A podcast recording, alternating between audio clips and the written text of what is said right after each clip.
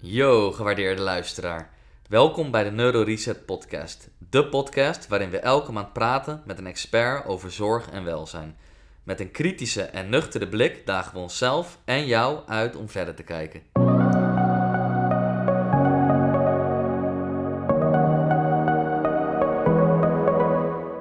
Hey en welkom bij een nieuwe podcast, de tweede podcast van NeuroReset Fysiotherapie. En vandaag zijn we zeer vereerd met onze gast Chi van Chivo Opleidingen. En zullen we het voornamelijk gaan hebben over pijn en chronische pijn. Ja, welkom Chi. Welkom bij onze tweede podcast. Ja. Eh, we gaan het vandaag vooral hebben over pijn en de complexiteit daarvan. Maar voordat we beginnen, zou je jezelf heel veel willen voorstellen? Ja, nou, ik, eh Chilong Chu is de volledige naam. Eh, Chi. En ehm, zo noemen ze mij natuurlijk gewoon altijd.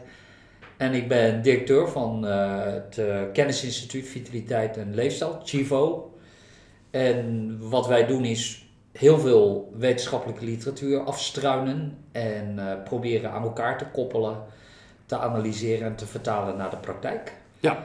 En wat wij vervolgens daarmee doen is in de praktijk daadwerkelijk mensen proberen te helpen. Dus die vertaling eh, vinden wij meestal briljant, maar ja, in de praktijk kom je erachter dat dat niet zo werkt. En dan eh, ga je het aanscherpen, aanscherpen totdat je iets hebt gevonden wat, eh, wat een best practice is. En dan gaat het de opleidingen in. Ja. Dus dat is ehm, eh, wat we doen. Ik ben zelf geen fysio, maar ik heb wel zeven jaar fysiopraktijk gehad. Die heb ik overgenomen, dus ik ken het rijden en zeilen ervan. En waar was dat? Ehm, in Breukelen. Oké. Ja. En ehm, ik eh, heb heel veel les mogen geven aan eh, fysiotherapeuten. Eh, maar mijn achtergrond is natuurwetenschap en psychologie. Oké, en hoe ben je dan zo bij die fysiotherapie terechtgekomen? Ik gaf al heel lang was ik, zat ik in de, in de fitnesshoek. En vanuit die fitnesshoek ben ik medische fitness gaan geven. En toen steeds meer aan fysiotherapeuten. En ik kon op een of andere manier makkelijk leren. Dus, het, eh, de- dus al die dingen die noodzakelijk waren, die, die nam ik gewoon mee. En ja, je groeide gewoon als docent. Oké. Ja, Ja. en die fysiopraktijk heb ik gewoon overgenomen een keer omdat ik daar een ruimte huurde. En met mij ging het heel goed en met de praktijk ging het heel slecht. Eh, en toen heb ik de praktijk overgenomen en eh, die persoon is bij mij gebleven. We hebben eh, zeven jaar lang en daarna heb ik het aan haar terugverkocht. Oké, Ja. cool. Want wat is je, wat, wat, je hebt gestudeerd natuurwetenschap, wat zei je? Ja. Oké. En vond je daar dan nog een link in met fysiotherapie? Want, Nee, niet, nou niet specifiek. Kijk, eh, mechanica wordt dan makkelijker. Dat is, dat is eigenlijk gewoon een tweede natuur. Al die dingen zijn gewoon logisch. ja. Eh, en ik zat natuurlijk al heel lang in de fitness. Ja. Ehm, en ik was nou ja, in de vorige eeuw personal trainer. Eh, in eh Hillywood, eh, Hilversum. Dat was misschien de enige plek waar het ook eh, destijds kon. Dus daar was ik gewoon mee bezig. En eh, ik gaf groepslessen. eh, dus ik was altijd een soort van actief naast het gegeven dat ik gewoon een baan had in het bedrijfsleven. Oké. Ja. En wat voor soort mensen komen er nu vooral naar Chivo? Zijn dat vooral therapeuten, behandelaars? eh, Het hangt van de soort eh, eh, opleidingen af. Feitelijk hebben we er drie. Ehm, we hebben de vitaliteitscoach, we hebben de vitaliteitstherapeut en we hebben gewoon personal training. mhm. Nou, die laatste is redelijk duidelijk. Dat zijn de fitnessmensen en ook vaak wel fysiotherapeuten die dat volgen. De vitaliteitscoach gaat veel meer over mensen die, eh, die mensen willen helpen met, eh, met persoonlijke ontwikkeling en persoonlijke groei in harmonie met de omgeving, zeg maar. Mhm. Ehm, zowel eh, consumenten als bedrijfsleven. En dan vitaliteitstherapie, dat gaat vooral over ehm, de, de solkachtige klachten, dus de somatisch onvoldoende verklaarbare lichamelijke klachten. En dat zijn natuurlijk die clusters van chronische pijn, chronische vermoeidheid, eh, ehm, migraine, gastro-intestinale klachten. Eh, en daarbovenop uh, burn-out, depressie en angstenstoornis. Hoe noem je die? De solk? Die Solk. Nog, ah, Ja. Die heb ik nog nooit gehoord. Ik had het op de, op de website gelezen. Ah, Ja. ook, Dus dat zijn de. uh, en uh, nou, denk je hoe groot is die groep eigenlijk? Hmm. Nou, die groep is eigenlijk best wel groot. Chronische pijn in zijn algemeenheid, hè? Ja. dat is 18% van Nederland. Ja. Maar als je kijkt naar waar huisartsen mee te kampen hebben, dan hebben ze en echte pure solkachtige klachten. Dus er valt medisch of fy- fysiologisch niets te vinden. Ehm, en dan heb je de solkachtige verschijnselen bovenop bestaande pathologieën. Mhm. Waarbij je zegt, hé, hey, maar deze symptomen zijn onevenredig met de onderliggende path- pathologie. Uh, en bij elkaar uh, is dat ongeveer 40% van de populatie van, van een huisarts. Nog één vraag over de solk. Hoort bijvoorbeeld fibromyalgie daar ook bij? Of is dat weer iets, iets Nou, fibromyalgie wordt op dit moment vooral onder natuurlijk reuma-achtige zaken uh, geschakeld. En het is nog maar de vraag of fibromyalgie, maar datzelfde geldt eigenlijk voor chronisch vermoeidheidssyndroom, uh, of dat uh, zonder fysiologische afwijking is. Dus daar, daar, daar zijn wel wat twijfels over dat het uh, een pure slokklacht is. En met fysiologisch bedoel je qua anatomische structuren, dat soort dingen? Ja, dus afwijkingen kunt zien in, ja. uh, in, in de fysiologie. Dus uh, immuunactiviteit of bepaalde cellen op ruggenmergvloeistofniveau. Of, uh, of soms in het bloed kom je dingen tegen. Uh, en heel vaak hebben we dat natuurlijk vroeger gehad. Heb je dat bijvoorbeeld nu met bijvoorbeeld lage graad inflammatie. Mm-hmm. Is natuurlijk zo'n hele, hele bekende. Ah, ja. Waar, waar, ja. Ja, toch? Zeker. Dus 40% van de huisartsenpopulatie is die solkklachten? Ja, hebben, zijn solk of hebben solkachtige klachten bovenop hun bestaande. Oké, okay. dus ja. bij de, als je een beetje doorgaat bij de fysiotherapeut zal het waarschijnlijk nog hoger zijn. Of bij een behandelaar, of, denk ik, of niet, omdat die vaak nog meer van dat soort mensen zien zal het grote deel daar ook uit bestaan? Uh, ja, zeker. Uh, kijk, in principe heb je natuurlijk een soort van uh, remodelleringstijd van, van weefsel. Mm-hmm. Ja, en, en, en daar hebben we natuurlijk allerlei tijd, ja, momenten aangehangen van zes weken, twaalf weken enzovoorts. Kijk, en als een klacht natuurlijk langer duurt dan twaalf weken, dan moet je je afvragen of hier nog sprake is van een fysiologische klacht. Ja. En als, er geen, als het geen fysiologische klacht is, wat is het dan? Uh, en dan kun je zeggen, nou, dat, dan is het een psychologische klacht. Dat is nog maar de vraag.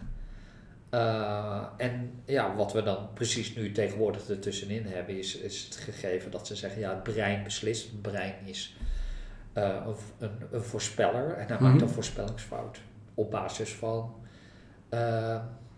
van, van bedreiging of de perceptie van bedreiging. Ja, want denk jij dat die visie, uh, die dat is eigenlijk een zeer recente visie, zeg maar, dat het nu ook wijd geaccepteerd is in de medische wereld? Want volgens mij hoor je nog juist heel veel medisch specialisten het hebben over dat pijn-schade-model. Dus dat het veel meer Zeker. gerelateerd is. Er moet iets kapot zijn, want je hebt pijn. Ja. En daar wordt door heel veel mensen op die manier nog naar gekeken. Ja. Heb je het idee dat het, die andere visie, zeg maar, steeds meer geaccepteerd wordt? Of, want ik hoor ook veel orthopeden vooral nog naar dat pijn-schade-model uh, refereren. Ja. Ja, dat is, dat is vooral op dit moment het meest intuïtieve. Kijk, het uh, hele idee uh, dat, er een, uh, ja, dat je te maken hebt met een mens die meer is dan alleen zijn lichaam. dat idee is natuurlijk niet nieuw. Volgens mij hebben we dat al millennia eigenlijk. Maar in 1977 is het natuurlijk verwoord door de psychiater Engelen. En die natuurlijk de term biopsychosociaal introduceerde. Mm-hmm. Zeiden, op die manier moeten we er naar kijken. En als je um, kijkt naar uh, de zogenaamde Cartesiaanse scheiding, scheiding van lichaam en geest, mm-hmm. van Descartes, er is niemand die dat nog steunt. Als je vraagt van, is lichaam en geest gescheiden? Dan zegt iedereen, nee, natuurlijk niet. Maar in de praktijk, dat is, is eigenlijk ja. jouw opmerking, is, is dat wel de aanpak. Ja.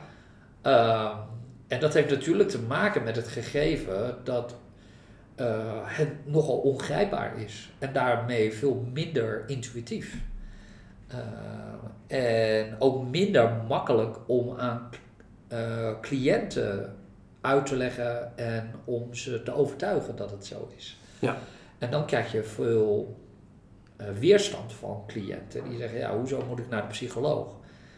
denk je dat ik inbeeld of denk je dat ik nou altijd het verzin of ja. ja en dat maakt natuurlijk wel heel lastig nu is dat een klein beetje aan het verdwijnen omdat naar de psycholoog gaan die stigmatisering gaat er wel een klein beetje van af zeker in de jongere generatie zeg maar generatie Z en generatie Y hè? Mhm. dus, dus millennials Ja, daar, daar is het best wel veel voorkomend dat ze bij een psycholoog zijn geweest. En Wat meer geaccepteerd, Ja, ja. het is meer geaccepteerd en dat je daar ook gewoon over kan praten. En dat is wel op zich natuurlijk een goede ontwikkeling. Ja. Ja. Ja, want ik zie, nou ja, we zien het in de praktijk ook dat mensen heel erg nog op zoek zijn naar eh, een verklaring. En dat dat pijnschademodel dan hun heel mooi uitkomt. En die wordt vaak ook bevestigd door ehm ja, medisch specialisten die dan blijven op zoek gaan eh, met MRI's en testen en dat soort dingen. Ja. En dan is het heel moeilijk als eh, fysio of als behandelaar om daar een andere draai aan te geven, zeg maar. Zeker. Ja, dat merken wij in ieder geval in de praktijk heel erg. Maar tegenwoordig doen ze eigenlijk drie verschillende soorten pijn, zoals ik het begrijp. Een nociceptieve pijn, dus dat is echt dat het meer gerelateerd is uit schade, dus als er iets kapot is. Toch? Neuropathische pijn, dat is meer als hè, vanuit zenuwen en dat soort dingen. En die neuroplastische pijn, is dat dan waar jij het over had, eh, dat het meer vanuit het brein het beschermingsmechanisme is? Ja, ehm, kijk, nociplastische pijn is in principe natuurlijk ook ehm nociceptief. Mhm. Hoe bedoel je dat? Eh, in de zin dat, eh, dat kennelijk in, in, dat, dat er een aanpassing is. We weten vanuit alleen al het, eh, het eh, poortmodel dat eh, de gevoeligheid of de drempelwaarde van nociceptie kan verschuiven. Mhm. En als dat kan verschuiven, dan is dat een vorm van plasticiteit. Ja. En even voor de luisteraar, noci, eh, nociceptoren, dat zijn eigenlijk receptoren die gevaarlijke stimuli detecteren. Ja. Toch? Dus als er een eh, naald bij huid of eh, in je huid komt, dan... En dat kan dus al veranderen. De gevoeligheid daarvoor kan veranderen. Dus de vraag is natuurlijk, dat, dat weten we al sinds natuurlijk het poortmodel, is dat jij, eh, nou stel je voor, eh, er is een enorme klap op je voeten van eh, twee keer jouw lichaamsgewicht. Of drie keer lichaamsgewicht. Is dat gevaar of is dat geen gevaar? Mhm. Nou, in principe gaan de nociceptoren gaan gillen. Die zeggen, hé, hey, dit is niet normaal. Ik heb twee keer het gewicht van mijn lichaam op, op, op, op, de- op die plek. Nou, die stuurt het door naar boven, naar de dorsale hoorn, en dan gaat het door naar de thalamus, et cetera. En dan wordt er gezegd, ja, hallo, je bent gewoon aan het hardlopen. Eh, dus het is volstrekt normaal Ja. dat die druk op je voeten is. Dus wat wij gaan doen is niet meer zeuren totdat er iets echt aan de hand is. En dan wordt natuurlijk die drempelwaarde bijgesteld. Dus die drempelwaarde die kan al fluctueren, maar in het geval van nociplasticiteit eh, is het een meer semi-permanente of een permanentere vorm van afstelling Mhm. waardoor die hypergevoelig wordt. Dus dat is het idee. En dat is een ander, iets anders dan centrale sensitisatie.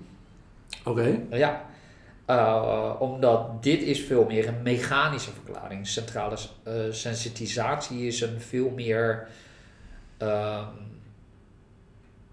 neurofysiologische verklaring. eh, en ook wel psychologische verklaring. Dus vandaar dat mensen, men in de, de internationale organisatie van pijn, hè, Mhm. Eh, heeft men ook centrale sensitisatie niet meegenomen. Ze hebben onderscheid gemaakt tussen die drie, nociceptief, eh, neuropathisch en natuurlijk nociplastisch.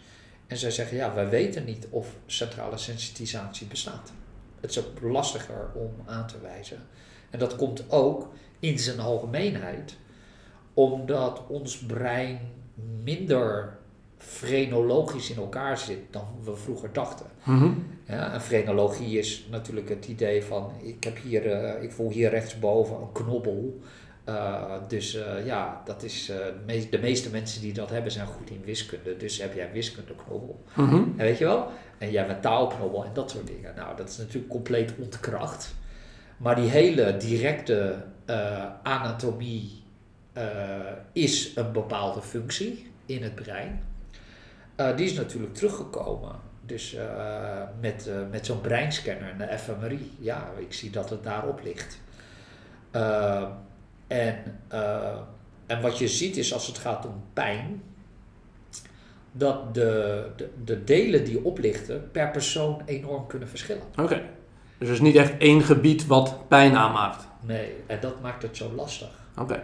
om, om te zeggen, ja, we kunnen centrale sensitisatie ook daadwerkelijk aanwijzen op basis van fMRI, eh, scans en analyses. En hetzelfde kennen we ook met emoties. Ik bedoel, vroeger dachten we ook altijd... eh, Dat er één plek was één voor... plek was. Ja. Het limbisch systeem, het zoogdierenbrein, het emotionele brein. Nou, dat is natuurlijk gewoon compleet flauwkul eh, Mhm. gebleken. Ja. Ja. Oké, dus er is, er is dus een groot verschil tussen eh nociplastische pijn en centrale sensatisatie. Dat is dus niet hetzelfde. Nee, het is niet hetzelfde. Nee, nee. Het, is, altijd eh, zo, het eh, ene is echt mechanisch, dus hoe werkt het mechanisch? En dan hebben we bij nociplasticiteit feitelijk over ja, semi-permanente afstelling, waarbij je hypergevoelig raakt. Dat is feitelijk nociplasticiteit. Terwijl bij centrale sensitisatie gaat uit van het idee dat eh, je helemaal geen nociceptie nodig hebt. Terwijl Ja. nociplasticiteit, het woord zegt het feitelijk al, eh, gaat nog steeds uit van het nociceptief systeem. Oké. Dat is een groot verschil. Nou, dat is natuurlijk de vraag. Eh, mensen als Lauren Mosley enzovoort, die hebben natuurlijk, die beweren feitelijk, nou, dat je kunt geen, je kunt pijn hebben zonder nociceptie. Maar daar is geen bewijs voor. Oké. Er, is wel, er zijn wel redenen om dat, om dat te vinden. Eh, en ook wel plausibele redenen om dat te vinden, maar we kunnen het niet echt aanwijzen. En, eh, En wat zijn dan die redenen waarom we dat zouden zou kunnen vinden? nou, stel je voor, ik heb migraine en ik zit hier gewoon met jullie te praten en in één keer heb ik een steek in mijn, eh, in mijn eh, hele scherpe steek net achter mijn oog. Dit is iets wat heel vaak beschreven wordt in migraine. Mhm. Waar, waar, waar gaat dat nociceptief dan vandaan komen? Ja, precies. Ja. Om maar wat aan te geven. Uh, dus dat is een goed voorbeeld waarom dat het zou kunnen. Uh, terwijl de meeste mensen het voorbeeld aanhouden van fantoompijn. Ja. Uh, maar bij fantoompijn zie je dat er op de stomp zelf nog steeds elektrische activiteit is. En uh, dan zou je kunnen zeggen, ja, maar dat is nog steeds nociceptief, het is alleen neuropathisch. Er is een locatieprobleem als gevolg van zenuwschade. Oké. Okay. Uh, dus daarom kun je pijn hebben in een ledemaat die je niet hebt. En uh, dat is dus niet hetzelfde als uh, pijn hebben zonder nociceptie. Het nee. is namelijk neuropathische pijn geworden. Ja, oké. Okay. Daar zit een beetje het verschil. Ja, en centrale okay. sensitiviteit die, die, die uh, stapt daaruit. Uh, dat is, die hebben gewoon gezegd, ja, het kan een soort van construct zijn van, uh, van de hoogste staat van paraatheid. Ja, een soort van alarmsignaal wat veel te snel afgaat of... Ja, ja. en je krijgt heel veel andere symptomen erbij. Dus hypergevoelig met betrekking bijvoorbeeld tot geluid en, en dat soort zaken. Ja. En dan is dus die centrale sensitisatie eigenlijk dus ook niet echt bewezen. Dus die is niet wetenschappelijk onderbouwd. Nee, het is... Dus het tegenwoordig is, hebben we het over die drie categorieën. Ja, ja nou laat ik het zo zeggen, daar is, daar is de meeste uh, zekerheid over. Oké. Okay. Ja. En denk jij dat bijvoorbeeld orthopeden en dat soort dingen ook naar die drie categorieën kijken? Of ze doen die vooral die eerste twee, die uh, nociceptieve en die neuropathische pijn? Ja, dat is wel mijn ervaring. Ja, want ik, ik heb nog weinig orthopeden gehoord of uh, andere uh, huisartsen en dat soort dingen die hier echt mee bezig zijn. Ja. Ja, dat is wel een probleem. Ja, en dat heeft natuurlijk te maken met het gegeven dat pijn op zichzelf staand een discipline is. Mm -hmm. en in plaats van een bijvak. Ja. Of zelfs maar een bijverschijnsel. En dat men vroeger zei, ja, we gaan niet op pijn sturen, we gaan de onderliggende klachten helpen en dan komt het vanzelf wel goed. Ja, dus echt weer dat mechanische. We gaan kijken welk ja. weefsel er niet goed werkt of niet goed loopt of whatever. En dat gaan we veranderen en dan gaat de pijn weg. Ja, zeker. Terwijl we zien dat er uh, eigenlijk heel vaak dan de pijn nog steeds aanhoudt. Ja. Hè, na operaties of whatever. Ik las laatst ook een artikel dat uh, heel veel operaties, volgens mij was dat op jullie blog, uh, dat er heel veel operaties even groot placebo-effect hebben als, ja, dus dat je een groep hebt die een operatie krijgt en een groep die niet de operatie krijgt. En dat dan in veel gevallen, zeg maar, bij musculoskeletale klachten ja. de uitkomst hetzelfde is. Zeker. Dus dan maken ze mensen gewoon open en daarna is het gewoon dicht. En bij de anderen gaan ze, weet ik veel, de knie schrapen en weet ik wat allemaal. En als je die twee groepen met elkaar vergelijkt, dan is het hersteltraject hetzelfde. Ja. In ja. Nederland doen ze dat niet, geloof ik, toch? Dat is toch alleen in Scandinavië en zo? Dat, dat... Nou, ik weet niet of ze. Nee, volgens mij wordt het niet gepraktiseerd. Het is alleen in experimenten vindt dat Okay. plaats. Want, ik, want het is namelijk onethisch. Ja. Uh, om dat in de praktijk te doen. Ik kan natuurlijk niet. Uh, want, want als ik het gebruik zou willen maken van het zogenaamde placebo-effect, dan moet ik ook dezelfde prijs vragen. Ja. Uh, dus ja, dat, dat- is natuurlijk niet ethisch. Het is gewoon compleet onethisch om dat op die manier te doen. Precies. Maar het leert ons wel iets. Dus in een experiment kan dat. Die mensen zijn van tevoren voorgelicht dat het mogelijk is dat. Mhm. eh, enzovoort. Ja, en daar tekenen ze voor. Dus dat is een hele andere situatie. Hm. Ja. Nou, dat is wel bizar, toch? Ja. Ja. Want eh, wat, wat is jouw, zeg maar, op chronische pijn qua behandelingen? Zijn er, eh, wat is volgens jou, hè, want fysiotherapeuten zijn er best wel, er zijn eigenlijk heel veel therapieën voor en heel veel eh, behandelmethodes, maar eigenlijk geen één die echt goed werkt. Ja, Eh, volgens mij is dat nu een beetje, ze zijn Ja. eigenlijk heel slecht in het behandelen van chronische pijn. correct. Ja. Ja. ja, wij zijn ook niet altijd succesvol. Nee. Uh, maar wij houden wel heel strak de literatuur eh, bij. En, en, en wetenschap gaat nooit over zekerheid, gaat altijd over waarschijnlijkheid. Mhm. Dus we staan ook echt open voor als blijkt dat iets gewoon niet lijkt te kloppen, dan gooien we het ook meteen overboord. Uh, de cliënt zet centraal en niet onze methode. Um, dus dat is belangrijk. En voor de rest hebben wij, uh, is, is wat wij doen gefundeerd op wetenschappelijke theorie. Uh, dat maakt het ook al wat anders. Ons hele vak is uh, op wetenschappelijke theorie gefundeerd. Mhm. En dat is dus belangrijk omdat een wetenschappelijke theorie is, voorspelt iets. Het moet iets voorspellen in situaties die je nog niet eerder hebt meegemaakt. Ja. En dat maakt het anders dan zeg maar, wat men in de volksmond noemt, of wat men in de volksmond scheidt, theorie versus praktijk. Uh, wetenschappelijke theorie is praktijk. Okay. Je kan geen wetenschappelijke theorie hebben zonder praktijk. Uh, en dat is wel heel, heel, heel belangrijk, dat verschil. En dat weten we bijvoorbeeld uh, als we het hebben over een resultaat voorspellen van een situatie die je nog nooit eerder hebt meegemaakt. Dat is als we mensen voor het eerst op de maan gingen zetten. Ik bedoel, dat is 300.000 kilometer verderop. Ja. Het is een vijandige omgeving, de maan. Onderweg is het vijandig. Er is geen uh, Shell-station, Mhm. er is geen ANWB onderweg. Uh, en toch is het gelukt om bij de eerste poging een aantal van die knakkers niet alleen op de maan te krijgen, maar ook terug te Terug, krijgen. ja. En dat is alleen maar mogelijk omdat er een wetenschappelijke theorie is. Ja. Ja?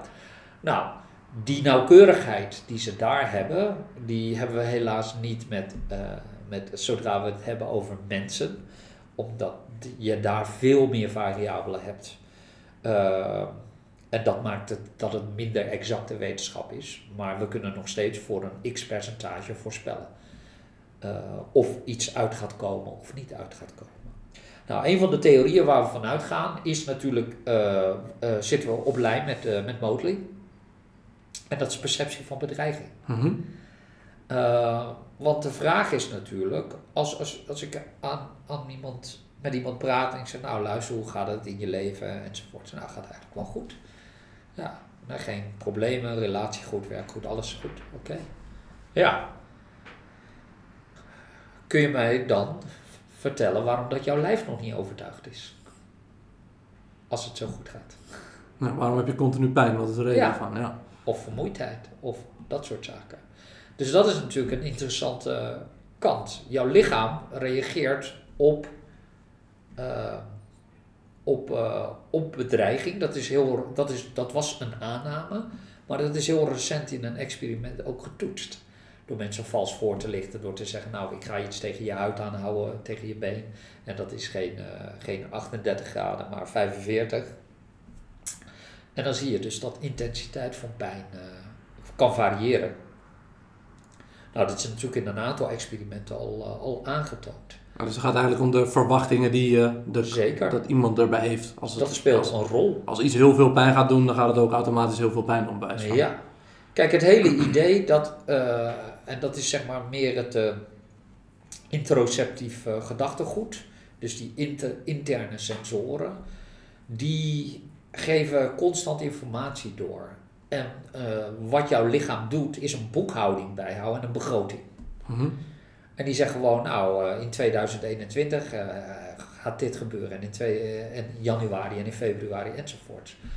En als we dan eenmaal in 2021 zijn, in januari, dan gaat hij aan het einde van januari, nou is niet gelukt, dus we gaan onze begroting bijstellen. Nou, dat is een normaal proces. En naarmate je zeg maar langer in business bent, worden je voorspellingen beter, toch? Ja. Dat is gewoon ervaring. Uh, waar dit over gaat, is als jij chronische pijn hebt, is dat die voorspelling verkeerd is. Er worden voorspellingsfouten gemaakt. Uh, en dat betekent dus dat je, uh, dat, dat je onevenredig vanuit die begroting weer gekeken naar, naar, naar ja, denkt dat je verlies gaat leiden of heel veel winst gaat leiden. En dan ga je dus heel paniekerig reageren of juist heel euforisch. Nou, jouw lichaam uh, kan, niet concept, kan zich niet conceptueel uitdrukken. Dus hij weet niet wat cijfers zijn en hij weet niet, hij kan dat niet verwoorden. Mm En wat hij doet is gewoon de boel aan elkaar plakken. Dus, um, en, en vanuit dat bedreigingssysteem, dus die begroting, van ga ik binnenkort ergens tekort komen of gaat iets bedreigend zijn, komt een behoefte. Uh, en die behoefte is natuurlijk ontstaat uit een voorspelling. En wat bedoel ik daarmee? Als, als, als, je, als, ik, uh, als mijn lichaam voorspelt dat ik binnenkort energie tekort kom, uh, dan krijg ik de behoefte om te eten. En hij geeft mij een signaal en dat is honger. Mm -hmm. Oké? Okay? Um, en die voorspellingsregels hebben we ook met pijn. Dus als ik mijn hand dicht bij het vuur houd, dan is mijn behoefte om mijn arm terug te trekken. Dat komt omdat mijn lichaam voorspelt dat ik schade op ga lopen. Ja, maar er is nog geen schade. Maar er is nog geen schade. Uh, maar hij geeft mij motivatie om dat te doen en dat is pijn. Mm -hmm. Nou, dus dat hele voorspellingsmodel, dat ligt ook aan uh, uh, dat lijkt gebouwd te zijn rondom nociceptie en interoceptie. Uh, die alleen maar data doorgeven aan, het, aan, het, ja, aan de verschillende structuren. Of dat per definitie het brein is, weten we niet. Maar we weten wel dat die beslissingen worden genomen. Nou, dat is feitelijk wat Melzak en, en, en zo met zijn, met zijn poortheorie al aangaf. Mm -hmm. Maar wat erbij gekomen is, is dat de gevoelens van angst en uh, de, de denkbeelden die we hebben, dat die meegenomen worden in die optelsom, in die voorspelling. Dus als jij uh, druk voelt op je lichaam en je ervaart angst en je denkt dat je schade op gaat lopen. En met druk bedoel je weer het voorbeeld wat je net gaf over ja, ja, de impact? Zeker.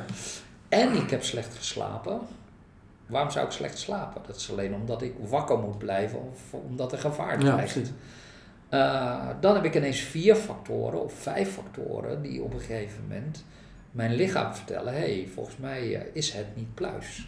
En doen eerdere uh, dingen die je meegemaakt hebt daar ook in mee? Zeker. Ja. Dus een gewoontepatroon. Mm -hmm. En dan heb je nog, uh, nou, lage graad inflammatie speelt natuurlijk ook een rol. We weten dat lage graad inflammatie uh, ontstaat onder andere door uh, overgewicht. Uh, en voor de luisteraars die geen provisie hebben, uh, ja. dat zijn eigenlijk ontstekingen, hè? kleine vormen van ontstekingen. Kunnen we het zo een beetje omschrijven? Ja, het zijn ontstekingen, die interne ontstekingen die je aan de buitenkant niet ziet. Nee, okay. Klopt. Ja. En ehm, uh, maar wat doet laaggraad inflammatie? Die verhoogt de sensitiviteit van nociceptie.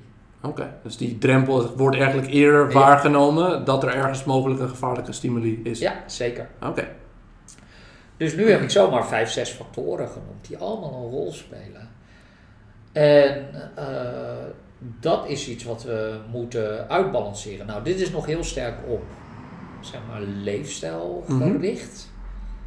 Mm -hmm. uh, maar jij kunt nog veel meer conflicten hebben die buiten het normale leefstijldeel vallen.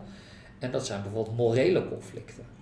Dus stel je voor dat je bij een partner zit en je denkt, ja, ik, ik ja, ik heb ja gezegd voor de rest van mijn leven. en, maar ik weet niet of het in hem gaat worden. Uh, dus dat is conflict 1. Conflict 2 is, we hebben ook samen een kind. Ja. Uh, dus dat is conflict 2. En dat komt bij slaapschuld. En die slaapschuld wordt ook nog vergroot door het gegeven, niet alleen door je werk bijvoorbeeld, maar ook het gegeven dat je aan het piekeren bent. Nou, dat zijn, dat zijn alweer twee extra factoren die met slaap te maken hebben. Nou, en dan heb je overgewicht waar met laaggraadinformatie, niet alle overgewicht leidt tot laaggraadinformatie. Want wat voor dingen zijn nog meer die laaggraad informatie? Zijn er bijvoorbeeld roken of zo? Of, eh, Ja, roken zeker. Oké. Ja, Andere? ja, roken wordt ook wel gecorreleerd hè, met Ja. eh, rugpijn. En eh, andere zaken. Ehm, nou, slaapschuld, eenzaamheid, schaamte. Die geven ook lage inflammaties. Ja, Oké. Ja, Interesting. ja. Dat maakt het dan ook wel weer logischer waarom ouderen vaak meer klachten hebben of vaker klachten hebben. Nou ja, nee. Ehm, want pijn zou ook het gevolg kunnen zijn van een gewoonte. Dat klinkt een beetje raar. Maar, eh, eh, nou, dus, eh, nou, dat, dat zijn eigenlijk twee zaken. Eh, hypersensitiviteit is, een, is feitelijk een gevolg van een gewoonte. Ja? Eh, als wij voor het eerst samenwerken, dan hebben we heel veel woorden nodig om iets om elkaar te begrijpen. En, maar, nou, en op een gegeven moment zeg je gewoon, ja, ik heb maar een half woord nodig en dan weet ik al wat hij bedoelt. Dan voel je het meer Nou, aan. en hetzelfde gebeurt natuurlijk met pijn. Dus als, zodra een nociceptief signaal van eh, die kant komt, dan zegt hij, oh, ik geef je pijn. Ja. Dus er zit een gewoonte in, je leert in het systeem, dat is één. Het tweede is dat wij een basisbehoefte hebben en die basisbehoefte zit in variatie. We hebben variatie nodig. Die variatie hoeft niet super groot te zijn, maar dat weten we, op alle niveaus hebben we dat nodig. Eh dopamine niveaus dalen als, als, als het saai is en zodra er een nieuws is, dan boem, gaat het omhoog eventjes. Ehm, dus dat weten we. We weten dat met variatie in beweging. De beste voorspeller van chronische klachten is, is eenzijdige beweging. Ja.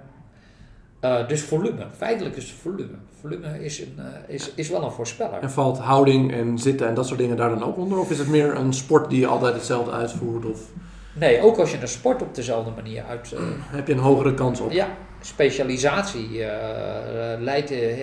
ja, zeker. Over, je praat wel over tien jaar. Nou, stel je voor dat, jou, dat je ouder wordt. Eh, eh, heb je en gewoontes opgebouwd.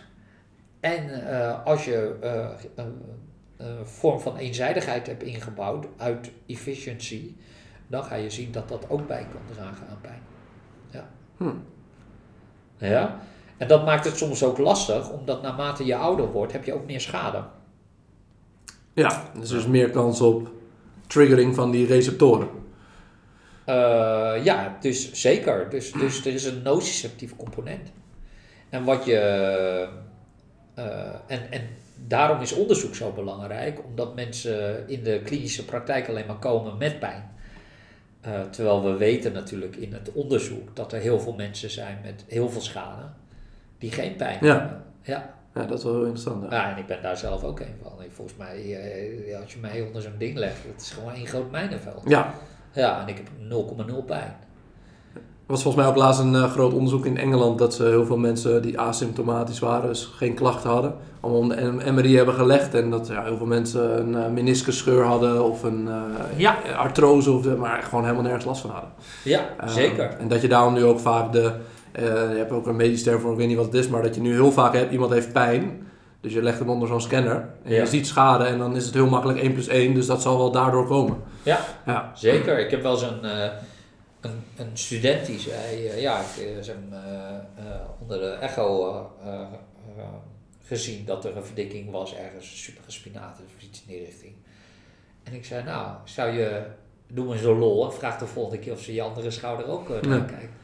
Ja, en toen bleek natuurlijk ook dat ze daar een verdikking had. Dus dat was best wel awkward eigenlijk. En daar is En geen last had van. ze Geen last, nee. Ja. Dus ja, dat maakt altijd gewoon eh, je- lastig. Daarom heb je onderzoek nodig. En is bijvoorbeeld, eh vind je echografie bijvoorbeeld da- daarom zinvol of eigenlijk niet? Kijk, eh, het is. Nee, ik vind het niet per definitie zinvol, tenzij er bijvoorbeeld een acuut verhaal is, dus met betrekking. Kijk, als je zegt, nou, in de eerste eh, zes weken, je hebt te maken met eh, vochtophoping en nou ja, al die, al die meer fysiologische factoren, als je die kunt zien, dan, dan zou je kunnen zeggen, nou, dat, eh, dan kunnen we dat volgen. Mhm. Nou, dat vind ik niet, niet zo heel raar. Maar als je op een gegeven moment ziet, als we weten dat die remodelleringstijd, daar hebben we gewoon ideeën over.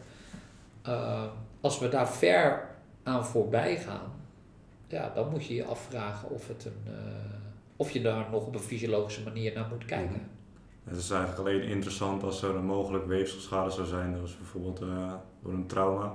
En als je er langer bezig bent, na, na een maand of drie is het ook niet meer interessant in principe om echografie toe te passen.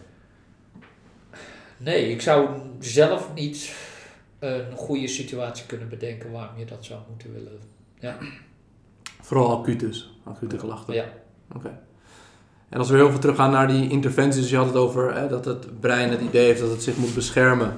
Um, en wat voor dingen zouden dan kunnen veranderen? Want hoe doen jullie dat dan? Of hoe doe jij dat? Wat is jouw visie daarop? Ja. Um, over die schulden, zeg maar, die je jezelf ja. aanmaakt. Ja.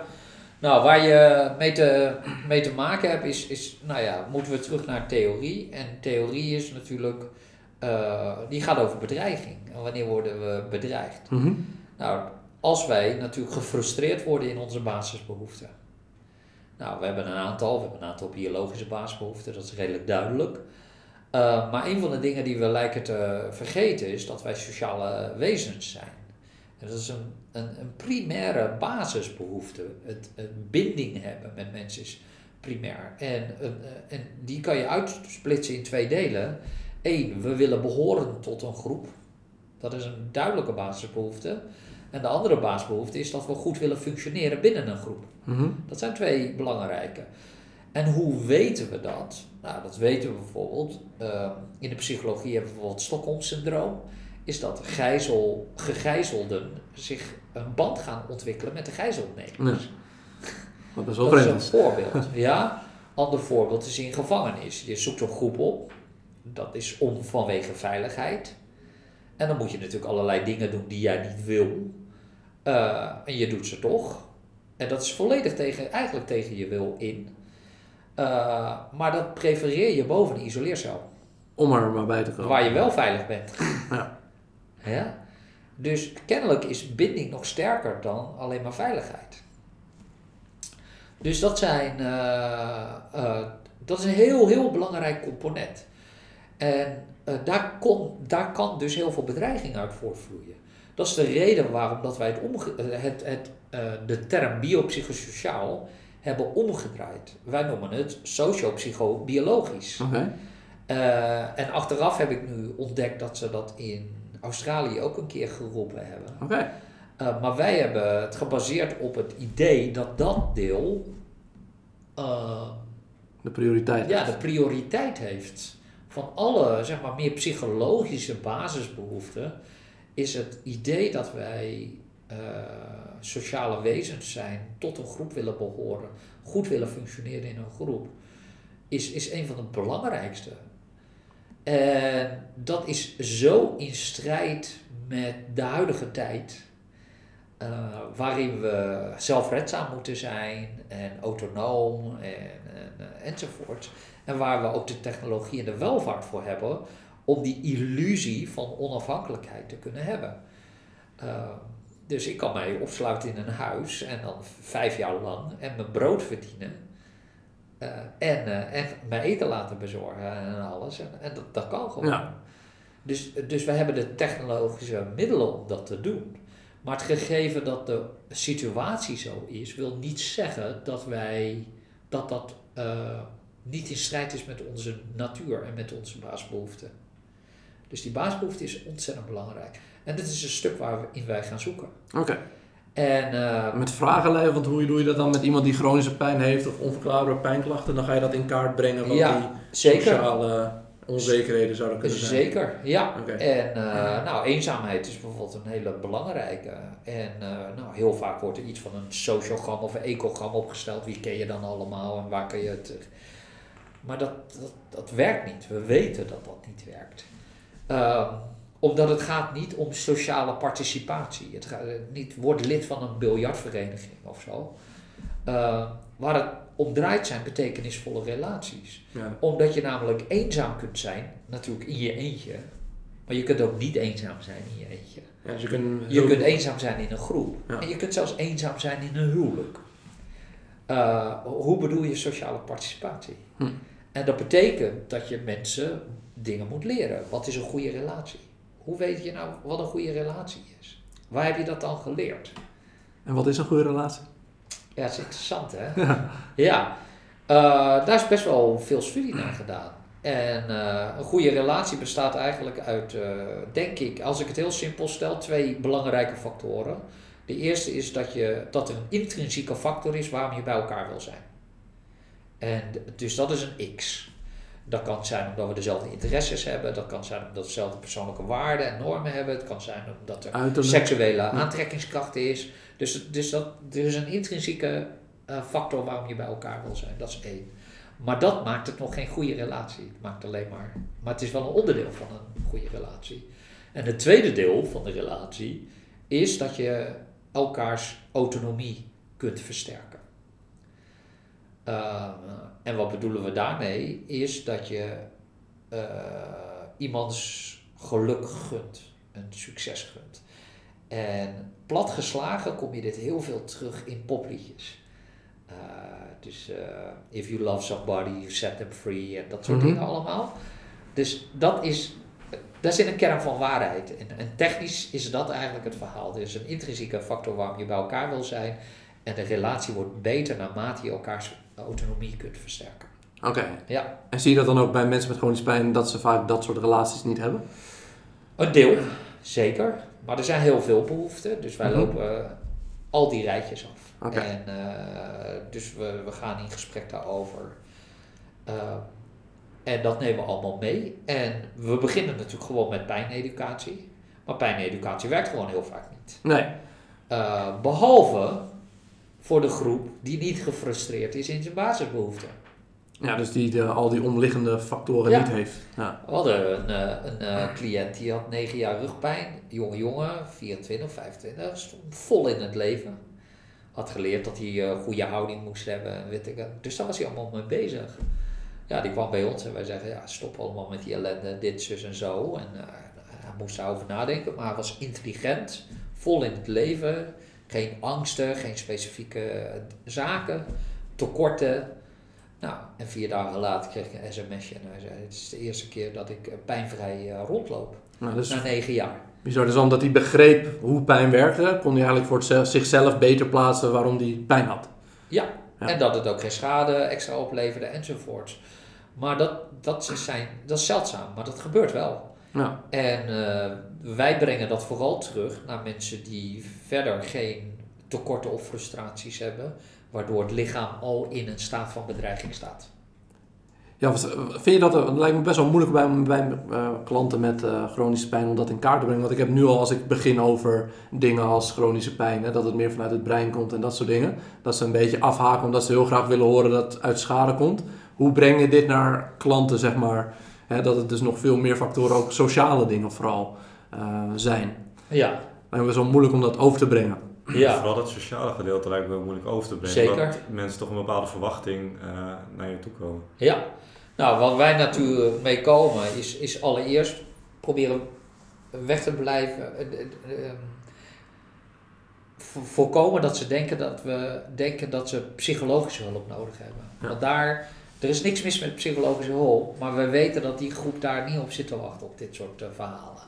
Dus het eerste wat wij tegen hen vertellen is natuurlijk, luister, ehm, jouw eh, eh, je, je bloed is nagekeken, er, zijn, er, is, beeldvorming, eh, er zijn foto's genomen, MRI's, noem het maar op, enzovoort. Ze hebben niks kunnen vinden.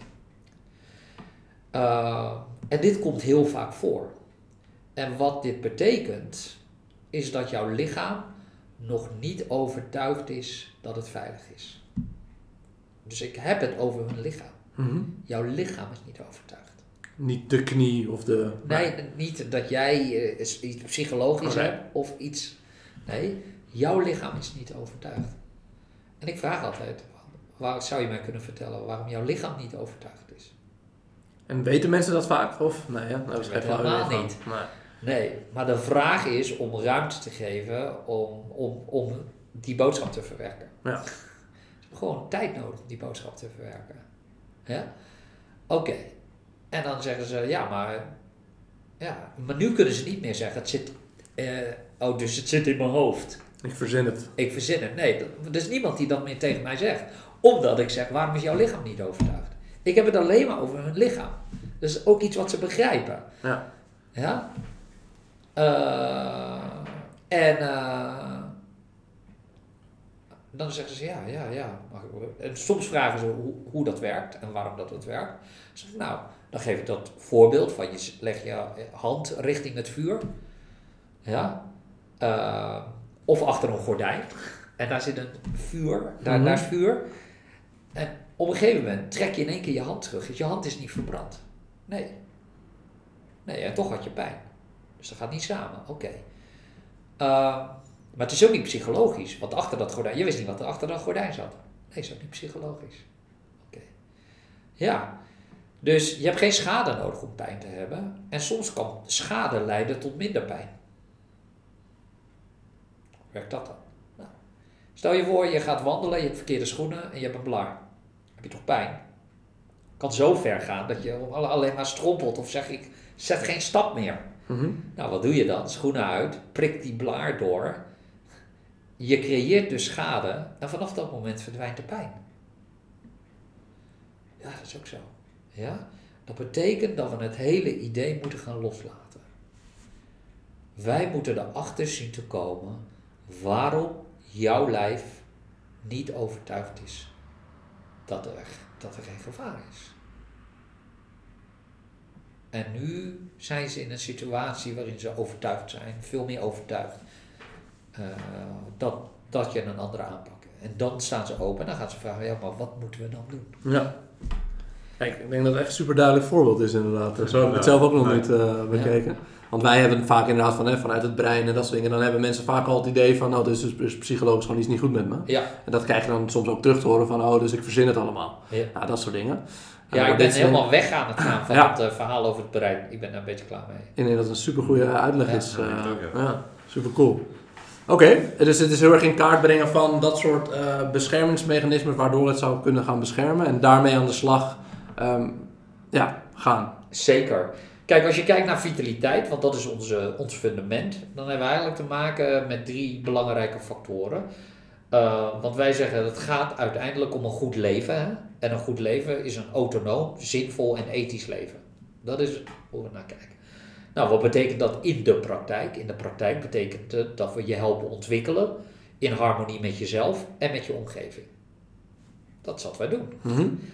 um, als, wij, uh, als we aan de ziektekant blijven, dus, dus die zolkkant, dan kun je niet autonoom, kun je op, uh, als, je, als je dan pijn hebt of vermoeidheid, dan ben je niet autonoom. Uh, je wordt gehinderd. Uh, dus wij proberen eerst symptoommodificatie. Kunnen we die symptomen verminderen? Ja, want met fysiotherapie eigenlijk heel veel gebeurt ook. Zeker. Ja. ja, en dat kan natuurlijk door afleiding of door, nou ja, of, of je een, een surverhaal ophangt over trigger points of andere Ja. bullshit. Uh, dat maakt dan niet uit, dat zou kunnen. Um, of mensen gewoon op een andere manier laten bewegen. Dat helpt vaak ook al. Om gewoontes te doorbreken. Dus dat is symptoommodificatie. Nou, dan hebben we natuurlijk die hele andere laag er natuurlijk nog omheen. Hè? Het psychosociale deel eromheen. En, uh, maar soms lukt dat niet. En soms lukt het niet om de, om de symptomen te verminderen. Oké. Okay. Uh, en toch kunnen we mensen autonomer krijgen. En de stap die dan volgt om dat te kunnen bereiken, is acceptatie. Dat het zo is. Ja. Uh, dus, en dat is natuurlijk een, een verschil. Kijk, stel dat mijn arm is uh, uh, geamputeerd. En ik ben elke dag bezig dat mijn arm geamputeerd is, enzovoort. Uh, dan heb ik niet geaccepteerd dat mijn, mijn arm geamputeerd is. En ben ik niet meer autonoom. Ik word gegijzeld door het gegeven dat mijn arm geamputeerd is. Mm -hmm. Als ik op een gegeven moment daar niet meer mee bezig ben, alleen zo nu dan, oh ja, onhandig, even zo, oké, okay, klaar, en ik ga meteen weer door, dan ben ik weer autonoom. En zien we daarom, of zie jij daarom ook dat acceptatie vaak tot pijnreductie leidt? Of, Kan leiden tot pijnreductie, zeker. Uh, maar dat is niet het doel. Het doel is autonoom worden. ja. Omdat dat een basis is om weer een goed leven op te bouwen. Uh, want als ik bezig ben met, mijn, met, met een leven, als ik een fantastisch leven heb, met, met vrienden waar ik goed mee om kan gaan en, uh, en, en, en, uh, en al die dingen. En ik, ik kan dingen doen die ik leuk vind en belangrijk vind ook. En ik ben daarmee bezig, ben ik niet bezig met mijn arm. Hm. En dat is de andere kant. En dat is wat vitaliteitstherapie zo bijzonder maakt, is dat wij dat hele spectrum beheersen.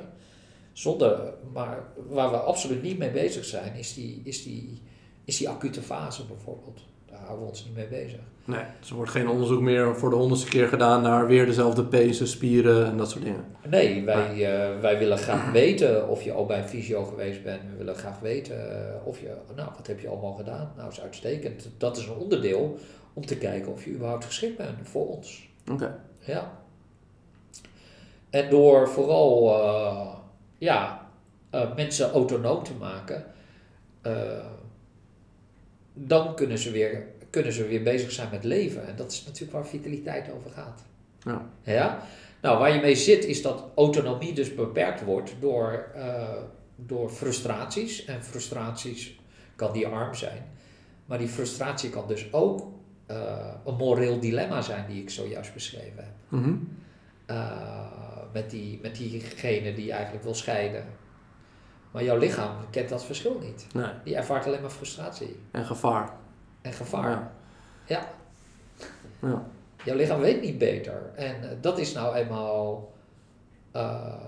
ja, dat wij als mensen in de evolutie kennelijk... dat enorme toffe trucje hebben gekregen van, uh, dat, wij, dat wij in symbolen kunnen denken, in abstracties en, uh, en, uh, en in tijd kunnen reizen. We kunnen onze toekomst voorstellen en we kunnen ons een verleden voorstellen en, en dat soort dingen allemaal. Ja, dat maakt het alleen maar nog complexer. En je lichaam die krijgt daar dus wel wat van mee, zonder dat hij het begrijpt. Ja. Ja. Nou, interesting. Ja, en denk je dat daarom ook mensen met chronische pijn beter terecht kunnen bij bijvoorbeeld een vitaliteitstherapeut dan bij een fysiotherapeut? Ja, ik ben daarvan overtuigd. Ja, Ja, want- zeker. Want de, de interventies van de fysiotherapeut zijn nu voornamelijk natuurlijk nog steeds die ja, symptoombestrijding. Hè, dus massage, trigger points. Er wordt weer Ja. heel erg mechanisch gekeken. Maar dit wordt eigenlijk niet heel vaak meegenomen. Nee, omdat A, heb je daar eh, een hele andere bagage voor nodig. Dus je hebt daar sowieso een ander curriculum voor nodig. En het tweede is dat het, eh, en, en dan ook nog een systeem. Ja, Eh, dat zijn natuurlijk nog, eh, want het hebben van veel kennis wil nog niet zeggen dat je het kunt toepassen. Dus dat zijn twee verschillende dingen. Maar veel van onze vitaliteitstherapeuten werken gewoon samen met fysiotherapeuten. ja, Want die zeggen gewoon, luister, jij, jij moet een aantal dingen doen. Sowieso als iemand A-specifieke lage rugpijn heeft. Ik weet niet eens of dat A-specifiek is. Ik weet niet of iemand een tumor heeft in zijn ruggenmerg. Of dat iemand een ontstoken zenuwbaan heeft. Een ischias, weet ik veel wat allemaal. Dat is wat jij kunt doen. Als er ook nog echt daadwerkelijk schade is waar je een opbouwfase in moet hebben. Dat zijn allemaal dingen die jij moet doen. Jij erkent dat er een psychosociaal component in zit, een biopsychosociaal component, dus dat depressie een rol kan spelen, dat slaapschuld een rol kan spelen, dat al die dingen een rol kunnen spelen. Maar dat is alleen maar fantastisch, want dan weet je dat er meer is dan alleen dat stuk. En voor dat stuk kun je verwijzen naar de vitaliteitstherapeut. ja. En ik denk dat, dat, eh, dat, die, dat, die, dat die rolverdeling uitstekend eh, werkt. Ehm, want anders ben je je vak maar aan het uitbreiden. En dan moet je, en ik vraag dan, en dan kom ik altijd terug naar de vraag: kun je mij vertellen wat je vak eigenlijk is? Ja. Wat is dat? Ja. ja? En ik vind dat soms lastig. Ik heb heel veel discussies over dit soort dingen gehad met eh, fysiotherapeuten. En, en eh, nou, bijvoorbeeld, dan zeggen ze ja, maar wij doen, wij doen eh, dat, dat deel erbij. Want we doen, nou ja, feitelijk twee dingen. Motivational interviewing en ACT. Mhm. Dat ja, zijn dat is die acceptance en... commitment Ja, therapie. Ja. En ik zeg, nou, ja, waarom motiverende gespreksvoering? Ja, bla bla, zus en zo. Ik zeg, ja, maar er is geen theoretische basis voor motivational interviewing. Daar zit je al raar aan te kijken, want wie wil dat nou? Mhm. Ja, maar ik heb natuurlijk uitgelegd waarom het belangrijk is. Ik zeg, nou, laten we motivational interviewing nou pakken. ORPS, ja, openstaan. Je moet open, open vragen stellen. Waarom? Waarom moet ik open vragen stellen? Ik heb heel vaak als ik mensen vraag, hoe gaat het met je? Dan zeggen ze, goed. Hoeveel geeft mij dat meer dan, hoe gaat het goed met je? Ja. Wat geeft dat? Het geeft helemaal niks. Nee. Ja, hetzelfde geldt voor die R, geldt voor die B, geldt voor die S. Ja, maar het werkt wel. Ja, het werkt voor drie maanden. Ja. Maar weet je waarom het werkt? Don't be a jerk. Dat is de reden waarom dat werkt. Gewoon empathie en dat Wees soort dingen. aardig. Ja. Ja, wees vriendelijk. Mhm. Ja. ja, daar hoef je geen keuze voor te doen hoor. De meeste van ons niet in ieder geval. Dus, eh, en de reden waarom ik daarop hamer, is dat als je niet begrijpt wat de onderliggende psychologische factoren zijn, niet iets geleerd hebt echt over motiveren, want ja, wat is motivatie? Eh, dan is dat een heel vak. Nou, de best onderzochte motivatietheorie is de zelfdeterminatietheorie. Mhm. Nou, daar kun je een jaar mee bezig zijn. Met die theorie. Kun je gewoon een jaar mee bezig zijn. Ja, dus het wordt te veel als je alles bij elkaar wil doen. Ja. Nou, dus dat is, dat is een onderdeel. En de tweede is ACT. Nou, ik heb op zich niks mis, mis met ACT, maar het is een trucje aan het worden. ja, want ik weet niet precies wat... Ik heb er wel eens van gehoord, maar wat, wat houdt het Ja, het precies is feitelijk een, eh, een eh, achtweeks programma, bestaat uit een aantal onderdelen. Het gaat natuurlijk om accepteren. Het is Mhm. heel sterk eh, gefundeerd in boeddhistisch gedachtegoed. En binnen ACT eh, is er een fysiek ding, dus meditatief wandelen, als ik het zo plat mag slaan. En een ander deel heeft te maken met eh, mindfulness meditatie. Is dat je gedachten, gevoelens, en dat zijn emoties en pijn, analyseert van jezelf zonder te oordelen. Oké. Ja? Dus jij, jij zit gewoon, je voelt dat, en in plaats van er tegen te vechten, eh, ga je het gewoon accepteren. En het idee is eigenlijk als volgt. Eh, de, de- heel vaak wordt de analogie gemaakt met een treinstation. Nou, je staat op het perron en er komt de trein eh, aan en die wil eigenlijk, ja, jij, jij denkt ik spring op die baan en ik probeer die trein tegen te houden. Nou, dat is natuurlijk een ramp, dat gaat Mhm. natuurlijk niet gebeuren. Je kunt ook zeggen nee, ik blijf gewoon op het perron staan. Ik ga gewoon daarna kijken naar die trein en die stopt en de deuren gaan open, mensen gaan in en uit, de deuren gaan weer dicht, pling. En vervolgens rijdt hij weg. Hm. Nou, hetzelfde gebeurt met gedachten, met gevoelens, die komen en gaan. Eh, dus door in plaats van er tegen te vechten en proberen die, die trein tegen te houden, kun je ook gewoon gaan observeren. Nou, dat idee is helemaal niet zo raar. Nou, klinkt wel mooi ook. Ja, Ja. Er zitten alleen problemen in. Het kan. eh, en, en daar wil niemand over praten. Eh, probleem 1 is dat het onderzoek ernaar bar en bar slecht is. Want eh, de onderzoekers zijn allemaal fans. Ja, oké. ja. Ja? Dus het zijn niet per se de resultaten, maar meer de, Ja. methode die gebruikt is voor het onderzoek. Ja, en die Ja. methodes zijn gewoon Slecht. bar en bar slecht. Het, dan hebben we nog een tweede probleem. En het tweede probleem is dat er nadelen zitten aan mindfulness meditatie die we nog niet goed in, op, eh, in kaart hebben gebracht. Ja, ik kan me ook Eh. voorstellen dat je juist meer pijn gaat krijgen, omdat je er ook misschien weer bewuster mee bezig bent. Nou, dat, Wat dat- je net zei, dat je misschien Ja. juist heel erg er veel ermee bezig bent, waardoor zo'n aangeleerd eh, patroon misschien juist ook meer wordt. nou, dat zou nog kunnen. We weten in ieder geval dat ACT op dit moment geen pijnvermindering levert. Oké. Uh, maar wel minder stress. Dus dan zou je kunnen zeggen, nou, dat, dat is een belangrijk component. Maar dan zitten we nog wel met het gegeven dat eh, het eh, potentieel kan leiden tot psychoses als je het lang doet. En het tweede is dat je soms gewoon mag oordelen. Ja. Uh, en we weten het uit aanverwant onderzoek met betrekking tot mindfulness meditatie.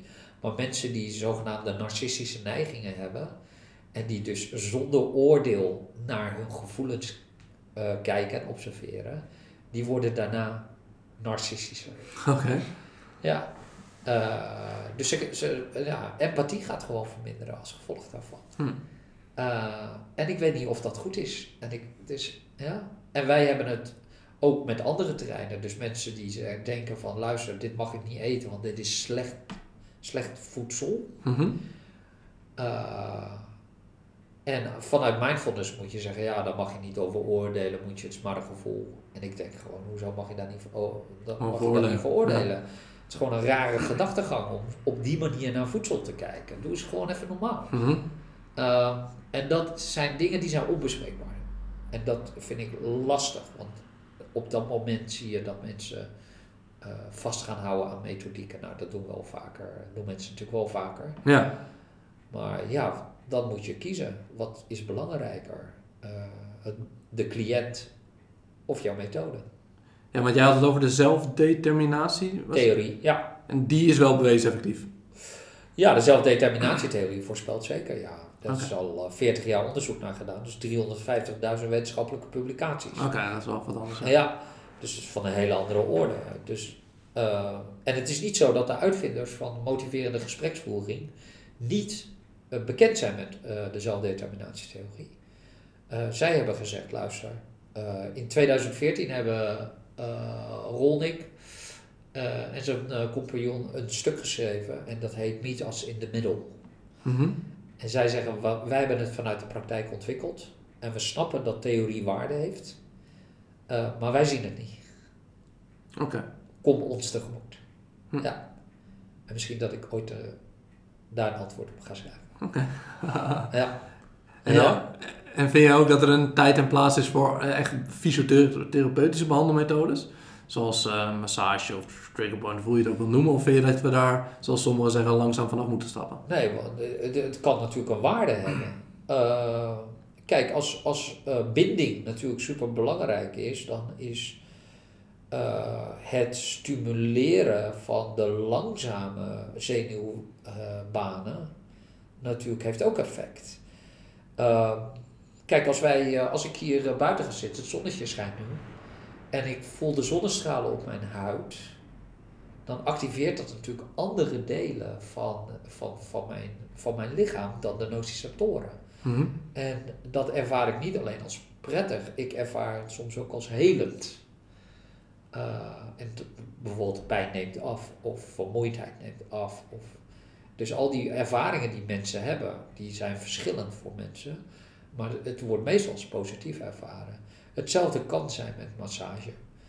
Eh, het kan dus een onderdeel zijn in een behandeltraject in de zin dat je zegt, luister, je komt al bellend binnen. Mhm. Ja, je, je hebt dat soms met klanten. Ja, eh, en die, eh, die kunnen zitten met, en je bent met ze aan het praten, hun hoofd zit ergens anders. Ja, en misschien moet je dan eerst iets gaan doen. Ja, dus eigenlijk verander je de perceptie van het brein door middel van dat soort technieken een beetje. Ja, het, het kan voorbereidend zijn. Ja. Eh, je kunt ze in een toestand brengen. Het is een context waarin je wil gaan helen. Ja. Dus ik, kijk, ik heb niet een specifiek protocol of zo daarvoor, maar ik, ik wil dingen niet per definitie zo overboord gooien, omdat ze uit zijn. Ja. Ja? Eh, ik bedoel, want laten we wel wezen, als het gaat om pijn en, en oefentherapie, die relatie is natuurlijk ook gewoon heel zwak. Oh ja, is dat zo? Ja. ja. En dan zijn er nog heel veel situaties waarin je helemaal niet met oefentherapie aan de slag moet. Zoals whiplash en, en fibromyalgie en zo. Dan moet je, en, en, en chronische vermoeidheid, dan moet je sowieso helemaal niks met oefentherapie doen. Oké. Dus, dus die verergeren de klachten alleen maar. Dat is, daar is zoveel duidelijkheid over. Ja, eh, dus we moeten echt leren om veel specifieker te gaan werken. Ja, want met whiplash wordt toch wel vaak gezegd, hè, dan moet je de spieren optrainen, dat soort dingen, weefsel weer belastbaarder maken, maar dat is echt, eh, Ja, want dan ga je ervan uit dat het een fysiologisch probleem is. ja. Ja. Oké. Ja, dan zijn we klaar toch? Ja. Nee, nee we weten dat dat eh, de klachten verergert. Oké. Ja. Ja, zeker. Dus ja, waarom? We moeten dus keuzes gaan maken. En, eh, en we moeten naar het mensbeeld kijken in plaats van, dus ja, we gaan spieren versterken en weefsel belastbaarder maken. Ja. Is niet zo relevant daarvoor. ja, de, de data zijn best wel overtuigend Hm. dat het gewoon niet werkt. Oké. En zelfs af en rechts werkt. Ja, in, die drie gevallen die ik net heb genoemd, zoals whiplash en, eh, en, en chronisch vermoeidheidssyndroom en ook eh Fibromyalgie. fibromyalgie weten we dat verergert. Ja, volgens mij heeft eh, Greg Lehman daar nog een stuk over geschreven. Oké. Ja, heb je die wel eens gevolgd? Jazeker, maar niet dat specifieke stuk. Maar... Nee. Maar ben je, heb je wel eens een ding gevolgd bij hem? Nee, geen cursus. Ja. Nee, maar ik lees wel eens blog, ik heb hem op Facebook en dan dat zou soort dingen. doen. Ja, Die kan ik wel aanbevelen. Ja? Ja, oké. Hij geeft volgens mij niet heel veel cursussen meer in eh, Nederland. dat weet ik niet. Ah. Nee, is de hele wereld rond. Hm. Ja. Eh, en hij pleit voor een andere rol van de fysiotherapeut. Meer als manager. Nee, hij zegt eh, we zouden weer terug naar de biomechanica moeten. Echt? Ja, en belastbaarheid en al dat soort dingen. Ja, Oh. dat vind ik ook interessant. Ik dacht dat jij, hij juist veel meer was van eh, het hele, eh, waar, we het net over hadden. Meer management en omgaan met je klachten, empathie en dat soort dingen. Ja, Maar hij en nou, dat wil niet zeggen dat hij niet erkent dat er. eh, dat, dat, hij erkent het biopsychosociaal model. Maar dat wil nog niet zeggen dat je hoeft te handelen naar het Nee. biopsychosociaal model. maar hij wil hem dus vooral met de B voorop houden in plaats van de S voorop. Hij zegt, nou, ik zou het gelukkig zijn als mijn, eh, eh, mijn rol beperkt blijft tot het B-deel en dat ik verwijs voor de andere. Ja, oké. Eh, en natuurlijk zeg je, nou, als je weet dat slaap effect heeft op, eh, op eh, pijn, intensiteit, nou, dan kan ik natuurlijk een heel slaapprotocol opstellen voor je. Je kan ook gewoon zeggen, hé, hey, ik zou daarvoor naar een leefstijlcoach gaan. Ja. Ja, Zoals wat jij net zei, dat je het veel meer gaat kaderen wie wat doet. ik denk dat dat beter is, eh, omdat je niet in alles goed kunt zijn. Nee. Oké. Dat is, eh, ja, en daarom ben ik op zichzelf staan niet heel enthousiast als fysiotherapeut te zeggen, we gaan motivational interviewing doen en act. Nee. Dat is eh, zonder daar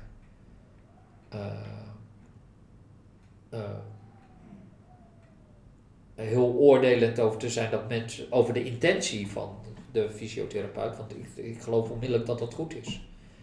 Ik vraag me alleen af of als je dat er even bij doet, net als leefstijl, Is dat het beste voor de klant? of jij, eh, ja, en of jij ook echt heel goed gaat worden daarin. Oké. Dat vraag ik me dan ook af. Eh, en als je dus geen onderliggend onderricht hebt, dus heel weinig weet over psychologie en sociale psychologie, ja, of je dan ook daadwerkelijk, of je dan alleen maar een trucje doet. En dan volg je een acht wekens programma. Dat is wat je aan het doen bent.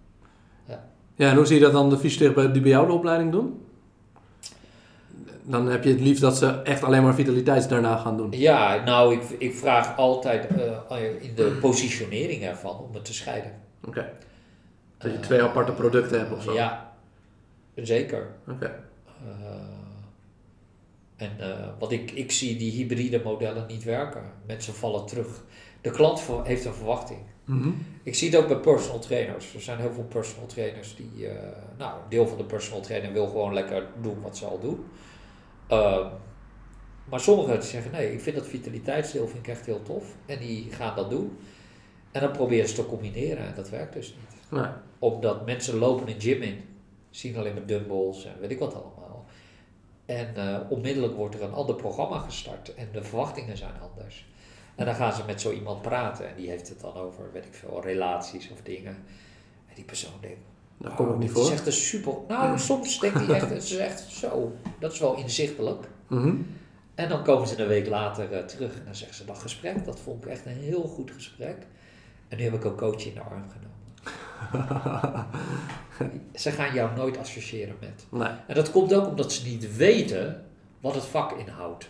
Dus uh, ik, ik, weet zelf toen ik praktijk had dat mensen aan de fysiotherapeuten vroegen: Ja, ik eet dit, is gezond toch? Mm -hmm. Ja, dat, de fysiotherapeut dan tot mijn grote verbazing ook nog zei: Ja, nee, dat klopt.